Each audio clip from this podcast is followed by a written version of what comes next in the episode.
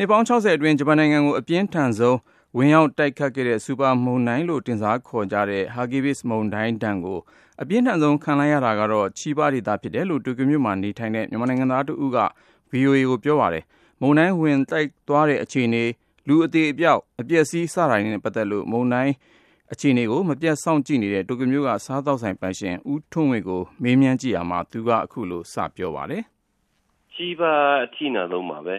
အရင်ကမုန်တိုင်းအမှတ်စဉ်19ဆိုတာရှိပါတယ်အဲ့မုန်တိုင်းအမှတ်စဉ်19ကအခုလက်ရှိချီပါရဲ့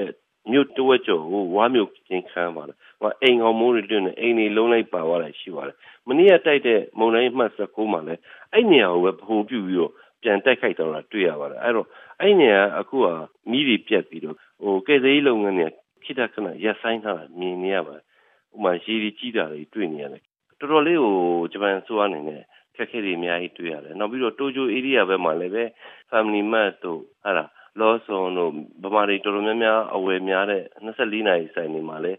ရေပြတ်တာတို့စားစရာတွေပြတ်တာတို့ကြုံရပါတယ်။တချို့တိုကျို area ပြင်ပဘက်က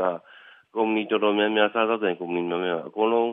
စနေနေ့ညမှာလုံးဝပိတ်ထားပါတယ်။ဟုတ်ကဲ့အဲ့လောက်ဆိုးနေတော့လူအသေးပြောက်ရှိလားခင်ဗျ။ဒီချီပါဘက်မှာ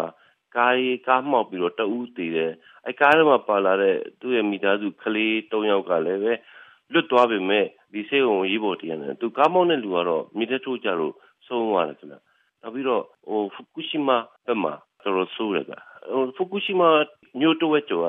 ရေလွှမ်းသွားပါတယ်ရေလွှမ်းသွားပြီးတော့ဆယ်ပေအထက်ရှိတဲ့ကမ်းခြေကတက်လာတဲ့ရေတွေဟာအမှန်တမ်းကြမ်းခန်းလေးတွေပေါ့နော်ကြည့်ရတဲ့လူကအသေးကိုရားနာ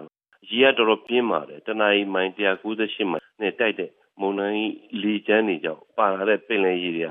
ရက်ွက်ထဲကိုဝင်တယ်သူတို့နေအိမ်တွေပါအကုန်လုံးဝင်ရောက်လာပါဒါကိုလည်းသူတို့ဂျပန်တပ်မတော်ရရင်နေနဲ့ကဲတာတွေအကုန်လုံးမြင်တွေ့နေရပါတယ်ဆိုတော့အိမ်တွေပြိုလဲပျက်စီးဆုံးရှုံးတာတွေရောရှိမှာပေါ့နော်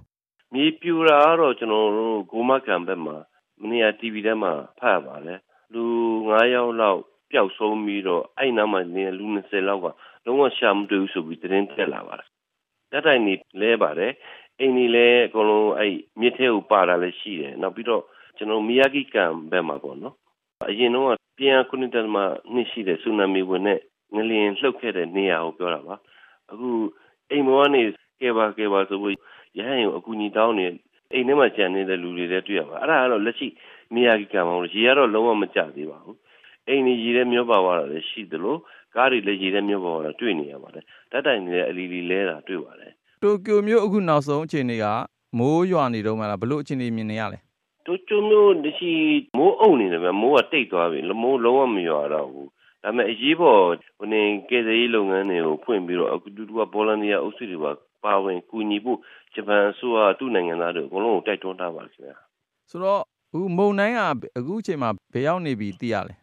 ခုချိန်မှာမုန်တိုင်းကတိုကျိုမြို့ကနေပြီးတော့ထွက်သွားပြီးမြေပုံရပြောမယ်ဆိုရင်ပင်လယ်ဘက်ကိုဘိုးပြူပင်လယ်ဘက်ကိုပြန်ထွက်သွားတယ်လို့ဒီ TV မှာတရှိဖော်ပြနေပါတယ်ခင်ဗျဟုတ်ကဲ့တိုင်ဖုန်းမုန်တိုင်းမလာခင်မှာဂျပန်အစိုးရကနေပြီးတော့မုန်တိုင်းနဲ့ပတ်သက်ပြီးတော့ဘယ်လိုကြိုတင်ပြင်ဆင်မှုတွေ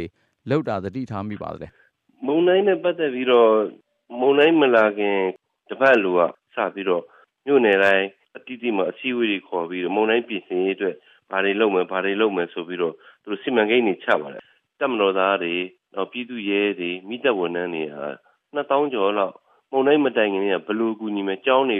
ဖွင့်ထားတယ်မြို့နယ်တိုင်းရက်ွက်တိုင်းနေရာတိုင်းမှာကျောင်း10ကျောင်းနဲ့9ကျောင်းအထက်အကုန်လုံးမုံတိုင်းဒုက္ခခံစားနေရလူတွေတဲဖို့နားခုဖို့ဆိုပြီးဖွင့်ပေးထားပါတယ်ခင်ဗျမုံတိုင်းကြမယ်ဆိုတဲ့အချိန်မှာမြန်မာတန်ယုံကလည်းဟလာအကူအညီတွေပေးမယ်ဆိုတော့သတိပေးချက်ထုတ်ပြန်တာတွေ့ရပါတယ်အဲ့တော့ မြန်မာနိုင်ငံသားတွေအနေနဲ့က ဒီမြန်မာတန်ယုံကနေ အကူအညီဟိုရရှိနေပါသလားတန်ယုံကမြန်မာနိုင်ငံသားတွေက အကူအညီရရှိတယ်ဆိုတော့အခုတည်းကတော့ဘာမှမကြားသေးဘူးကျွန်တော်မနေ့ကဒီဘက်ချင်းကြီးခုပိုင်းမှာတယောက်ဒုက္ခရောက်လို့အကူအညီလှမ်းတော့တန်ယုံကဘယ်သူမှဖုံးပြန်မဖြစ်ဘူးခင်ဗျအဲ့ဒါနီးစပ်ရာကိုခေါ်ပြီးပဲအကူအညီလှမ်းပေးလိုက်ရပါခင်ဗျ